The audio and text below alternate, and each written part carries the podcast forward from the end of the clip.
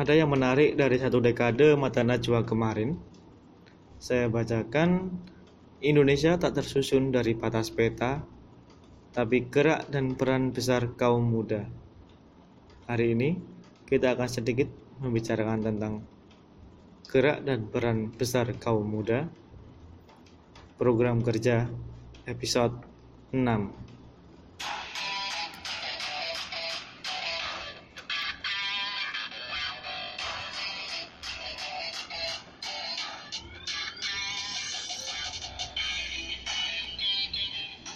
Assalamualaikum warahmatullahi wabarakatuh. Bertemu lagi dengan saya Hanif Maulana Rohman. Kali ini di podcast program kerja episode 6 kita akan bicara tentang kaum muda ya eh, kaum yang katanya sebagai ujung tombak dari bangsa atau negara tapi maunya rebahan-rebahan saja Hari ini saya kedatangan tamu uh, yang ya kaum muda lah, bagian dari kaum muda yang punya cerita-cerita bagus. Hari ini kita akan podcastnya sedikit membahas cerita-cerita ya semoga menjadi sedikit apa ya menjadi inspirasi buat teman-teman semua nanti kalau mendengar. Jadi nggak hanya melulu tentang uh, yang satu yang serius ya kita akan bicara tentang sesuatu yang ya seger-seger yang cerita-cerita yang baik-baik lah agar menular gitu. Oke langsung saja saya kali ini kedatangan sama Mas Ade Ade siapa deh? Ade Ahmad Wijaya. Langsung saja Mas Ade. Ya. Karena ini kayaknya programnya apa? Programnya Orto Muhammadiyah ya. Bukan lah. Oh, terus programnya apa ini? Oh, ini itu program bagus, Wak. Ya ini Oh, ini program anak muda, Ah. tapi karena kita harus apa bagi-bagi pengalaman Ya. dan tadi siapa ya adminnya ini dipanggil admin atau dipanggil siapa? enggak dong. Nah, eh, ya pokoknya karena tadi pakai pembukaannya assalamualaikum biar kita juga kelihatan islami gitu kan saya buka juga pakai assalamualaikum gitu nah mungkin eh, untuk hari ini kita saya sendiri disuruh apa disuruh cerita gitu cerita cerita tentang pengalaman pengalaman Saya nanti dulu. Oh, saya Ya. belum cerita dulu. oh belum ya mungkin Oh, perkenalan Duluin loh.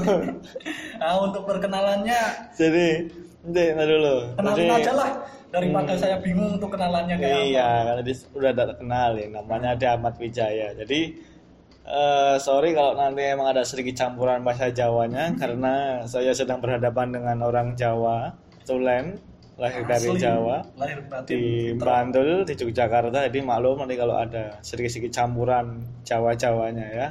Oke, eh, Mas Ade ini jadi eh, pernah sebenarnya kayak KKN Mandiri ya dia. KKN Mandiri. Oh iya. KKN Mandiri itu waktu di eh, kuliah di Jogja dia pernah ikut KKN Mandiri bukan eh KKN Mandirinya di NTT. Tepatnya di mana itu? Mas? Eh, kalau tempat saya gitu. Ini apa nyebutnya saya ya karena kebiasaan orang-orang di NTT ketika ngomong bahasa Indonesia itu bukan pakai aku. Nah, kalau pakai aku itu katanya terlalu kasar. Makanya bahasa yang lebih akrab dan lebih halus itu pakai saya. Gitu. Nah, karena saya eh, di NTT kemarin KKN mandirinya di Desa Teliu, Amanuban Timur, kabupatennya di Timur Timur Selatan. Provinsinya jelas itu di Nusa Tenggara Timur. Nah, letaknya dari Desa Teliu ini pokoknya sekitar dua jam, dua jam sampai tiga jam lah dari perbatasan Timur Leste. Dan di situ salah satu daerah yang dulu katanya ada perang-perangan lah gitu. Perang-perangan waktu perebutan di tahun 90-an itu zamannya Orde Baru lah itu ketika eh, apa Timur Leste itu mau mendirikan negara sendiri gitu. Itu saya saya kenapa kenapa memilih di situ tuh? Apa karena karena yang tadi perang-perangan itu? Atau gimana? Ya kenapa dari sekian banyak pulau di Indonesia ya? Ini sebelum cerita awalnya ya. Alasan dulu kenapa kok milihnya di sana gitu? Apa di sana nggak ada atau ada? Kayaknya ada atau gimana? Kalau ada sih jelas, tapi ya namanya hidup kita tahu nasib lah. Mungkin karena eh, apa kita disuruh ke sana itu karena nasib kita gitu loh. nasib nasib gimana maksudnya itu kan apa kalau alasan normatifnya, tapi alasan yang paling objektifnya itu pertama kali sebenarnya ini boleh langsung cerita Iya, ini boleh. enggak? Boleh, boleh. Eh, awalnya Ngalir. itu tragedinya Iya. seperti apa kenapa kita sampai memilih daerah situ. Eh, Ya, iya, kalau langsung aja ngalir awalnya apa awalnya milik KKN Mandiri itu sebenarnya dari saya sendiri pengen cari yang tempatnya itu indah gitu loh. Indonesia kan banyak nih eh, keindahan-keindahan alamnya. Selagi nanti kita juga KKN dalam pengabdian, nanti setelah kelar kita pengen menjelajahi Indonesia terutama merasakan keindahan alamnya. Nah, awal itu saya mencoba mendaftar di salah satu komunitas KKN Mandiri yang ada di Pulau Flores. Gitu. Ah. Saya, saya KKN Mandiri yang ada di Pulau Flores. Jadi kamu daftar di sana. dia keterima pula gitu kan. Oh, Oh, di sana bagus-bagus karena dekat sama Pulau Komodo sekitar butuh waktu 6 jam untuk ke sana gitu. Enggak enggak. Saya- Bingung, bingung. Nah, ini macam nggak pernah ke NTT, jadi mau jelasin Bukan. NTT seperti apa itu pasti Bukan. bingung. Bukan letak geografisnya, enggak. Tadi kan kamu bilangnya kan kamu daftar di NTT, eh Hmm. kamu daftar KKN Mandiri di sana. Maksudnya kamu daftar ke sana atau kamu buat di sini terus izin ke sana Oh. gimana? Jadi yang KKN apa KKN yang di Pulau Flores itu sebenarnya udah uh, udah lama berdiri. Saya daftar itu generasi ketiga atau tahun ketiga gitu. Jadi udah tiga tahun berlalu KKN uh, komunitas yang ada di Pulau Flores itu berdiri. Komunitas apa? Namanya Pena Ekspedisi Nusantara. Oh. Mungkin masnya tahu itu. Gitu. Oh iya iya iya iya. iya. banyak komunitas-komunitas yang menamai pena gitu kan kayak Ah. komunitas baca buku Oh iya iya. Oh maksudnya tuh oh jadi kamu pernah daftar salah satu komunitas juga tentang Hmm. KKN Mandiri. Terus apa namanya eh yang di sana gitu. Kirain saya tuh kamu daftar ke sana bukan Wah, daftar enggak, ada jauh, di sini. bro. Oh iya. ah. jauh NTT Oke. nggak cukup ini dompet kan kurang tebel Hmm. Oh akhirnya kamu sama teman-temanmu gimana awalnya? Maksudnya eh, terlepas dari daftar itu ya, Ah. pada awal mulanya sama teman-temanmu punya ide sendiri tuh untuk daftar ke Ah. sana. jadi ini lanjut ya. Ketika daftar saya keterima dan ada beberapa orang keterima. Saya sebutin namanya aja. Karena nama-nama ini juga nantinya berjuang men- uh, ikut mendirikan komunitas yang Hmm. baru yang itu kita ikutin yang Hmm. ada di desa Tliu itu tadi. Nah ada namanya si Avan. Avan itu kalau temen pengen tanya kepoin aja itu siapa sih? IG-nya IG-nya Nggak apa? penting, nggak penting IG-nya nggak penting. Gimana sih? Jadi- Iya terus. IG-nya nggak penting. Mungkin teman-teman kepoin aja itu. Cari aja siapa namanya apa. Dan satu lagi itu Nabila. Gitu. Ah. ini tiga orang sama-sama keterima di komunitas pena tadi. Tapi ada nih dua orang temen temenku sama temennya. Ya pokoknya temenku sama temennya. Apa dia nggak keterima itu ada si Dodo sama Vindi Mm-mm. karena sebelum kita mendaftar di Pena itu punya harapan untuk bisa mengabdi bersama di daerah 3T itu tertinggal, terdalam, terluar. Nah, 3T itu tertinggal, terdalam, terluar. Entah urutannya seperti apa, pokoknya kata-katanya seperti itulah. Gitu. Nah, dua orang ini nggak keterima, akhirnya mereka punya apa? Punya impian untuk bikin sendiri gitu. Nah, selain apa karena mereka gerak berdua ini bergerak gitu kan ya udah aku Avan sama Nabila ini Katanya ikut. katanya saya. oh berarti. iya Aku. yang pertama kan kayak gitu tapi kan Iya, yang namanya iya, iya. waktu itu Iya, kan lanjut, ini lanjut. aja muter gitu apalagi eh, apa harapan manusia gitu kan Iya, kadang iya, ke selatan kadang ke timur ya namanya juga hidup bro nah itu akhirnya kita bantu nih untuk bikin kita cari informasinya gimana sih caranya bikin komunitas Nah, mandiri. ini ini coba cerita ini yang penting nih. Ada itu Nah, udah lah ya. Udah, Eh, ini, yang penting nih. Iya, ini. Mungkin eh, apa nanti teman-teman ketika di kampusnya Hmm. pengen ngadain atau KKN membuat mandiri. KKN mandiri, Hmm. ah, resepnya kayak ini. Tips-tipsnya yang mungkin ini. bisa dipakai ya. Yang pertama punya anggota. Itu jelas kalau sendirian kan bukan KKN namanya. Apa namanya itu minggat. Liburan. oh, liburan. Gitu. Nah, tapi awalnya itu Dodo sama Vindi ini kebingungan gimana sih caranya untuk Rekrut. eh, bikin komunitas KKN mandiri. Hmm. Apalagi kita kan sama-sama yang eh, minim pandangan terkait daerah 3T.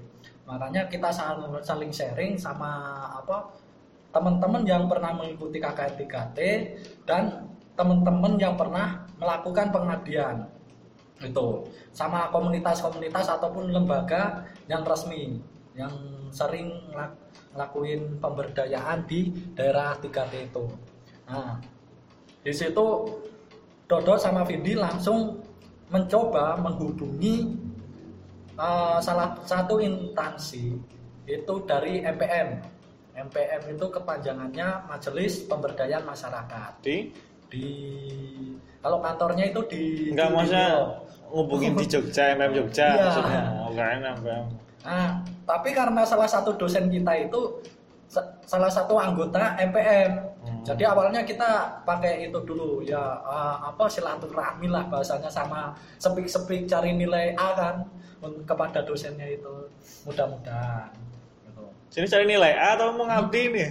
Ya kan kita ambil dosen Nah. itu juga kan. Iya. Jadi mudah-mudahan kalau ngomongin pemberdayaan bonusnya nilai A lah di Oh, mata iya. kuliah tertentu. Yang penting ngabdi ya? dulu ya, Nah. bonus terakhir ya. Ya, gitu. kalau harapannya sih langsung dua-duanya. Iya, iya. Maklum, maklum. Nah, bincang-bincang sama itu namanya Pak Makruf, Ahmad Makruf. Hmm. Cari aja itu orangnya, pasti terkenal. Gitu. Hmm. Nah, bincang-bincang sama Pak Ahmad Makruf itu terkait pemberdayaan, terkait daerah tertinggal, terkait eh, apa bikin komunitas, terkait gimana mengorganisir anggota nantinya dan lain-lain. Nah, pokoknya kita itu benar-benar sharing ingin membangun dari awal komunitas ini. Hmm. Nah, akhirnya sama Pak Ma'ruf di ini kasih wejangan-wejangan lah banyak banget itu. Tapi kan karena yang datang itu Dodok sama Vindi dan saya statusnya itu masih anggota pena. Hmm. Itu saya masih anggota pena jadi saya boleh bangga lah daripada Dodok dan Vindi yang gak lolos seleksi di pena itu.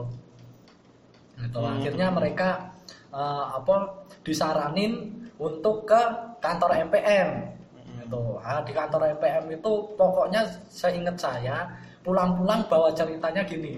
Kita dapat rekomendasi nih deh. Gitu. Rekomendasi apa? Rekomendasi tempat. Di mana? Di Aceh. Itu pertama. Yang kedua di Desa Teliu itu, tadi. Gitu. Nah, ini awal mula kenapa kita milih Desa Teliu yang dijadikan sebagai objek dari eh, tempat pengabdian kita nantinya gitu. Nah, kita sebenarnya pengennya di Aceh. Tapi karena kita masih dulu statusnya masih mahasiswa ya, kita juga mikir hitung-hitungan eh, nominal yang ada di dalam dompet itu. Jadi memilihnya itu sangat lucu. Kalau teman-teman ya kalau teman-teman anggap lucu sih, itu bisa lucu. Karena apa? Gimana? karena kita milih tempatnya itu bukan berdasarkan persoalan yang ada di sana. Seharusnya kan kita kalau emang benar-benar pengen mengabdi, merencanakannya secara matang, harusnya kita pahami dulu, perdalami dulu persoalannya yang mana. Hmm. Kemamp- sehingga kita tahu nih kemampuan untuk menyelesaikan persoalan dan melakukan pengabdian itu benar-benar bisa berjalan sesuai harapan. Hmm. tapi ya apa kita balik itu nalar berpikirnya kita pakai hitung-hitungan dompet nah waktu itu kita cek itu di Traveloka kita cek ini harga tiket pesawat jadi awalnya kita pertimbangin harga tiket pesawat di dari Jogja ke Aceh itu sekitar 3 juta 600-an. Wah, itu berangkat doang itu. Belum baliknya. Nggak tahu kalau baliknya waktu apa bisa kena mahal-mahalnya ya habis 10 juta lah kita untuk melakukan KKN mandiri. Kasihan kan dompet kita apalagi orang tua kita yang mas, kita masih minta sama mereka gitu. Nah, setelah apa di Aceh itu kan sebesar 3 juta 600-an. Hmm, apa nah, itu? Hmm? Oke, berarti pesawat hmm, ke Aceh lebih mahal. mahal. Nah, sedangkan di apa di Leo itu. Teliu, Teliu itu nggak ada bandara. Jadi bandaranya itu cuma ada di Kupang. Nah, kita coba cari nih, mudah-mudahan lebih murah kan. Nah, kita klik Jogja Jogja Kupang itu harga tiket pesawatnya itu paling murah satu juta tiga ratusan hampir Waktu itu- satu banding tiga gitu kan Wah, 2000 berapa waktu itu? 2018 18. Oke, ya berarti dua tahun yang 2018 lalu lah ya. waktu itu Wah, 2019 itu kan baru naik naiknya dua kali lipat malah Iya, terus. Wah. Nah, di situlah kita sepakat ini aku, Avan, Dodo, Bindi sama Nabila fix kita nentuin di Desa Teliu itu itu awal mulanya kita memilih Desa Teliu Oh, enggak tadi apa? Tips dan trik untuk buat KKN mandiri itu katanya rekrut orang dulu. Itu bagian dari rekrut orang itu. Gimana? Bagian dari rekrut orangnya mana ya? oh rekrut orangnya Jadi yang pertama bukan rekrut orang ini. ini gimana? ya kan kita untuk merekrut orang kita harus punya daya tawarnya dulu Lah ya, berarti yang pertama daya tawar dulu dong. Bukan rekrut orang, baru rekrut orang itu gimana? ya kalau apa kalau penentuan daerah itu kan nggak usah dipikir jauh-jauh asal kita punya pandangan kita sering sharing-sharing apalagi udah punya apa orang yang yang ini udah berpengalaman di sana kan nggak usah repot yang paling repot itu emang di rekrutmen anggotanya gitu loh gimana cara narik teman-teman untuk bisa menu- memenuhi kuota karena apa dulu untuk mendirikan komunitas KKN Mandiri itu minimal harus ada 25 anggota. Itu minimal dan minimal juga harus merekrut dari lima fakultas. Nah, kalau cuma satu fakultas teman-teman kita sendiri ajak gampang banget tuh. Tapi iya. karena lima fakultas ini yang sulit.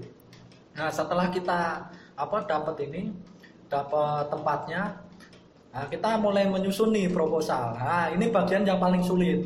Karena kenapa saya menyebutkan bagian yang paling sulit? Karena kita ini belum tahu apa-apa, udah suruh ngerjain proposal. Padahal proposal tahu sendiri kan, ah, isinya kayak apa gitu kan. Kayak apa? Oh, ya kayak gitu lah.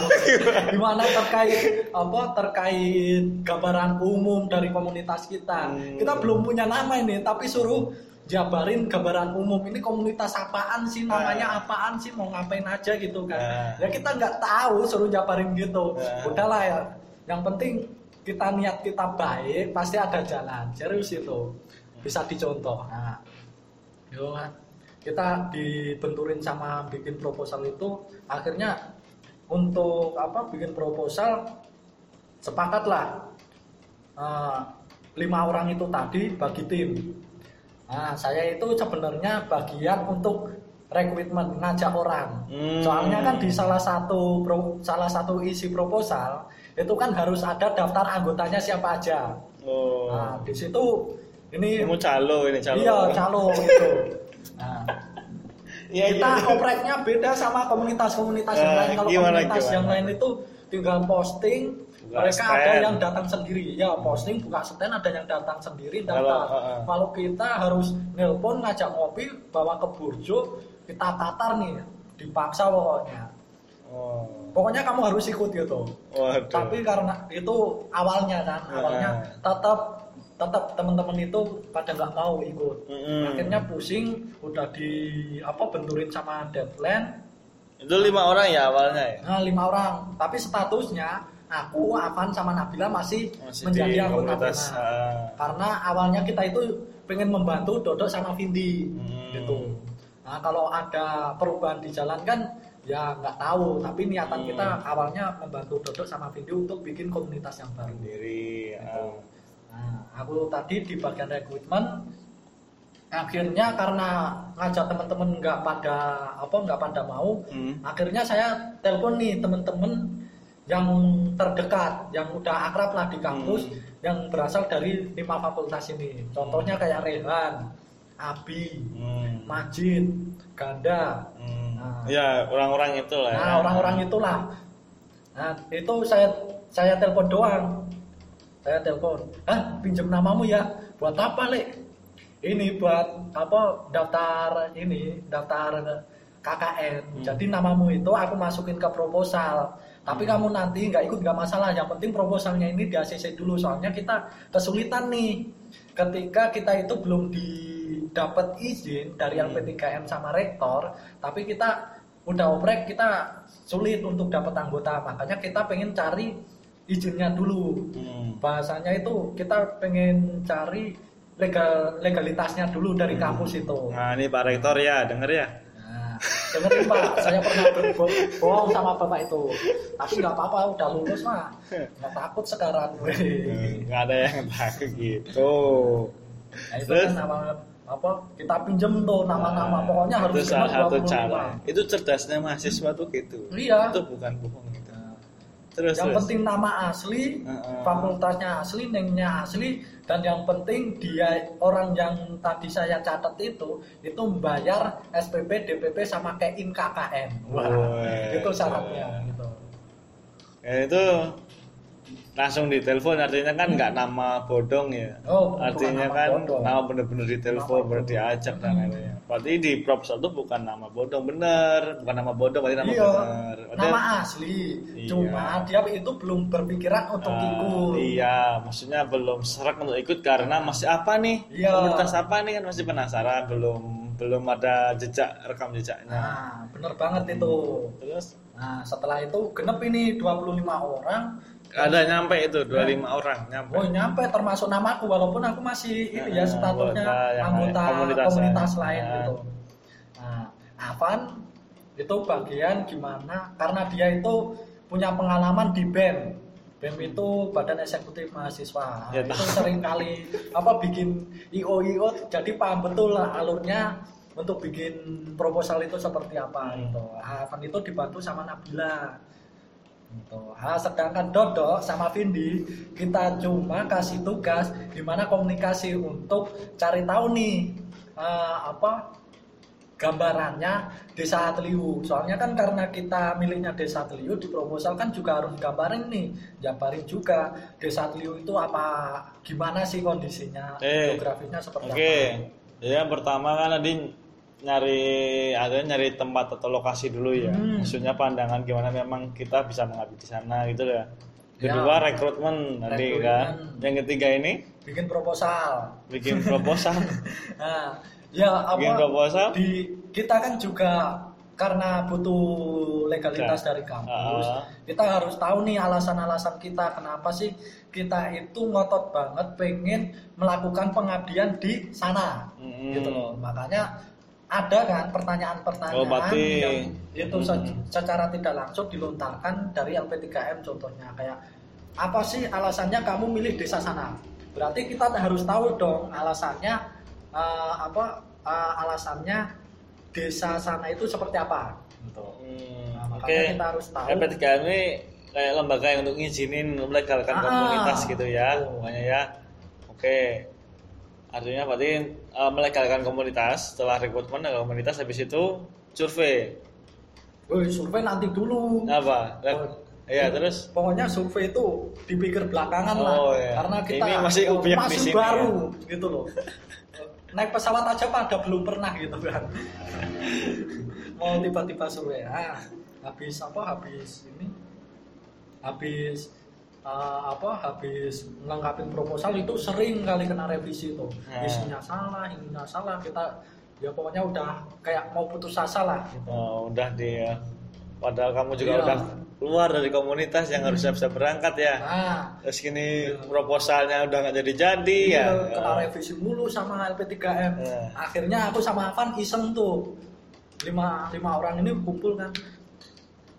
Eh, kita ngomong nih, gimana kalau kita langsung ke Pak Rektor aja gitu. Hmm. Karena si Avan ini punya eh, punya ini punya jalur lah jalur istimewa untuk langsung ketemu Pak Rektor Hmm, nih hmm. bisa komunikasi langsung sama Pak Rektor nah ini ide bagus karena apa Pak Rektor dulu satu tahun yang lalu itu pernah ke Desa Teliu Oh gitu gitu. loh dia eh, apa Dapat info dari mana itu? Pak Rektor pernah ke Teliu. itu buka aja kor, apa di berita-berita terutama berita elektronik itu peresmian SD Muhammadiyah di Desa Tliu itu Oh, ada. Pak jadi Pak Rektor itu Pak Gun waktu itu mendampingi Pak eh, Pak Hedar Ketua PP Muhammadiyah meresmikan SD Muhammadiyah satu Menala Besa di Desa Tliu itu SD-nya itu salah satunya yang mendanai dalam pembangunannya itu Universitas Muhammadiyah Yogyakarta itu kampus saya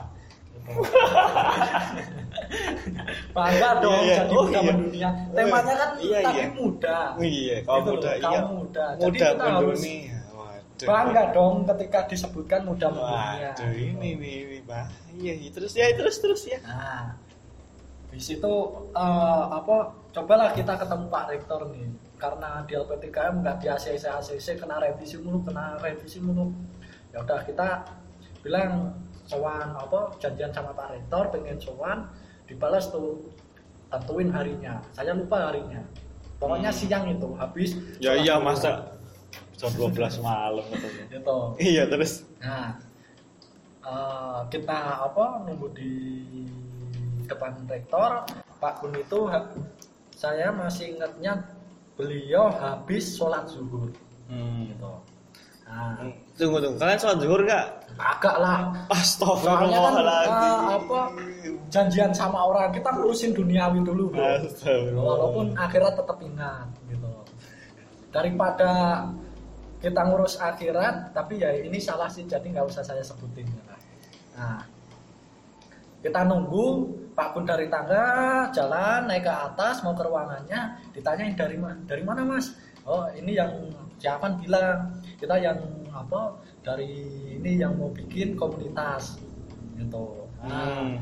sebelumnya kita udah ini udah namain karena apa untuk perkenalan di Oh, ya. Pak Rektor Itu nama pemberian nama tuh pas apa ya itu? nah pas revisi kedua Oh. kita nyebutinnya Dharma Cita Nusantara Oh. kalau ditanyain maknanya apa saya nggak tahu Itu gimana asal usulnya bisa Dharma, Citra, Nusantara? Kenapa lah muncul tiga kata itu? Kenapa Oh. nggak drama aja?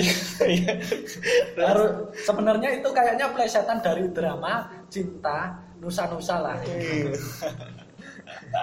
Waduh. Kalau maknanya dari saya sendiri juga nggak tahu sih, soalnya Kamu tiba-tiba aja orang yang bikin proposal ini masukin nama itu gitu. Oh, siapa yang bikin nih? Hah? Si Afan sama Nabila sama Ah. Dodo ini. Oh, tiga orang itu. Mungkin satu. Kayaknya mereka yang lebih paham soal Oh, nama ini. drama ini ya. Mungkin lain Kalau kali kita ajak ya. Hmm. Lain kali kita ajak. lah. Ya, kita ajak ke sini buat cerita apa di balik nama drama Citra Nusantara ya. Ah, Kalau mungkin kepo banget dari sekarang langsung aja DM tuh IG-nya. Kita aktif di IG kok santai. Oh. Nah, buka IG-nya Dharma Cita Nusantara. Oke, itu namanya berarti dari yang step ketiga itu revisi kedua muncul. Ah, Oke, setelah ketemu Pak Gun tadi. Nah, di apa?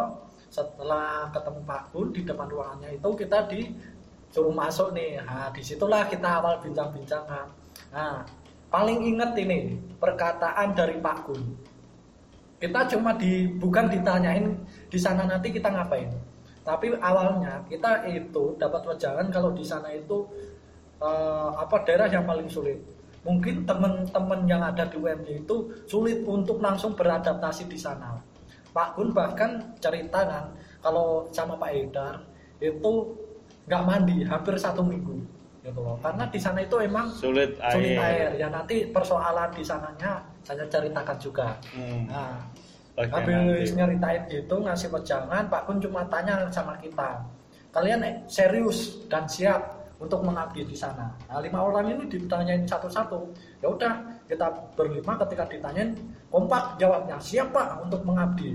Ya udah, kalian tenang, kalian siapin program-program yang apa yang mau kalian bawa ke sana, siapin dana-dananya, siapin spon, uh, apa sponsorship mana aja yang mau kalian tembusin, silahkan kalau apa kalian ini kita disuruh pulang lah bahasanya gitu. Hmm. Nah, udah kita nunggu nih nasib mudah-mudahan ketika habis ketemu Pak Gun langsung lancar lah itu soal soal perizinan. Hmm. Nah, tiga hari berselang itu habis ketemu Pak Gun dapat kabar baik ini Dodo Hmm. Dodo ini langsung ditelepon sama LP3M Ya. Gitu loh. Hmm. Nah kalau apa disuruh masukin divisinya. Jadi kan Divisi. karena kita cuma anggota doang. Oh, Nah, kita- belum kebentuk ya. Ah. Berarti ketuanya siapa? Belum Ya, proposalnya itu betul. berarti di salah satu revisinya Ah. belum kebentuk. Nah, yang tadi ribet, yang dari apa gambaran umumnya DCN seperti apa, triunnya seperti apa, itu kena revisi. Ini kok nggak kena revisi? Yang kena revisi cuma suruh jabarin nih anggotanya itu dibagi ke divisi mana aja. Gue, udah lah, digarap cepet. Nah, kita kumpulin lagi hari berikutnya langsung tuh kita dapat perizinan, dapat tanda tangannya Pak eh, siapa itu ya? Pak Gatot dapat tanda tangannya Pak Gatot dicap Pak Gatot LP3M. tuh ketua LP3M LP3M, nah, ketika dicap itu kan langsung resmi kita Alhamdulillah ya. Nah, itu perjuangan kita masih panjang deh padahal itu lah nah dah habis itu enak kita Itu lupa. hmm? Habis itu lupa. Wah, habis itu layak-layak dulu lah. Karena kamu muda juga butuh rebahan, Bro. Iya. Gitu loh. Kita layak-layak sambil apa cari orang desainer ini. Gimana bikin pamflet buat oprek. Hmm. Nah, kenapa Pamflet kita apa oprek? logo? Hah? Logo dulu ndak? Oh, logo belum punya kita itu. Oh, cuma tulisan aja DCN Iya, gitu. cuma tulisan doang kan. Logo belum punya. Hmm. Kita oprek nih karena kenapa kita oprek? Karena tadi kan anggotanya kita cuma pinjem nama Hmm. gitu loh untuk biar dapat perizinan di proposal Hmm. gitu. Nah, kita bikin apa desain, cari temen yang bisa desain. Kita bikin oprek nih. Alhamdulillah waktu itu yang daftar itu ada 33 orang. Wah, oprek itu. Oprek Ini itu. udah mulai oprek karena resmi ya. Iya, karena udah resmi kita mulai oprek bisa jelasin nih ini udah komunitas resmi nih jelas berangkatnya. Karena kalau nggak resmi kan takut nggak jadi berangkat gitu loh. Hmm. Tanggung kan. Eh, di situ ada 33 orang yang daftar di oprek itu. Ya udah, karena kita butuhnya 35 ditambah lima orang, kita nggak perlu toh yang namanya seleksi. Kita cuma yang ngobrol nyantai aja lah sama temen-temen yang tadinya daftar gitu Hmm. akhirnya kita terima semua total ada 38 orang yang bertahan itu 30 Bertahan sampai apa itu? sampai apa sampai mau observe Mau observasi. observasi itu berarti Ya. sana. Ah, ah, mau ke observasi Teliu itu langsung ke Teliu. Itu bulan observasinya bulan apa ya? Lupa. Bulan April kalau nggak salah itu. Hmm. Nah, mepet banget kan nah itu pokoknya kita dapat izin itu di bulan Februari. Hmm. udah lama itu kita ngajuinnya dari bulan Desember padahal. Hmm. Februari baru dapat izin bulan April kita Hmm. observasi nih Hmm. nah anggota yang masih bertahan sampai di observasi itu 34 Hmm. ya makanya kita takut kan karena apa karena nanti ketika hari H kita mau berangkat ke sana takutnya ini kan takutnya ada orang yang kena seleksi alam makanya kita nambah tiga orang lagi Hmm. jadi cari temen yang pengen pengen ikut gitu. Alhamdulillah dapat tiga temen lagi. Akhirnya ya udah soal anggota udah beres semua gitu lah Hmm. Oke, anggota beres, proposal udah beres. Jadi yang keempat apa nih adik? Setelah dapat apa namanya kan ada berarti yang setelah proposal ya ada tiga kan tadi? Susun program. Susun program. Nah, susun program ini kan berarti kita harus basic on data lah Ah, proposal lain itu berarti nggak ada programnya itu Eh, belum belum ada, cuma Ah. ngawur. Oh, berarti masih ngawur. Yang penting legal dulu. Iya, Legalkan betul. nyelesai dulu ya. Oke, habis itu susun program. Ah, jadi mohon maaf di proposal itu jangan ditiru karena program-program kita itu ya program-program yang kita awur makanya kalau di proposal impiannya tinggi-tinggi itu kayak bangun alun-alun helium itu kita catetin itu di sana asal kita nggak tahu dana dapat berapa nah kita apa untuk persiapan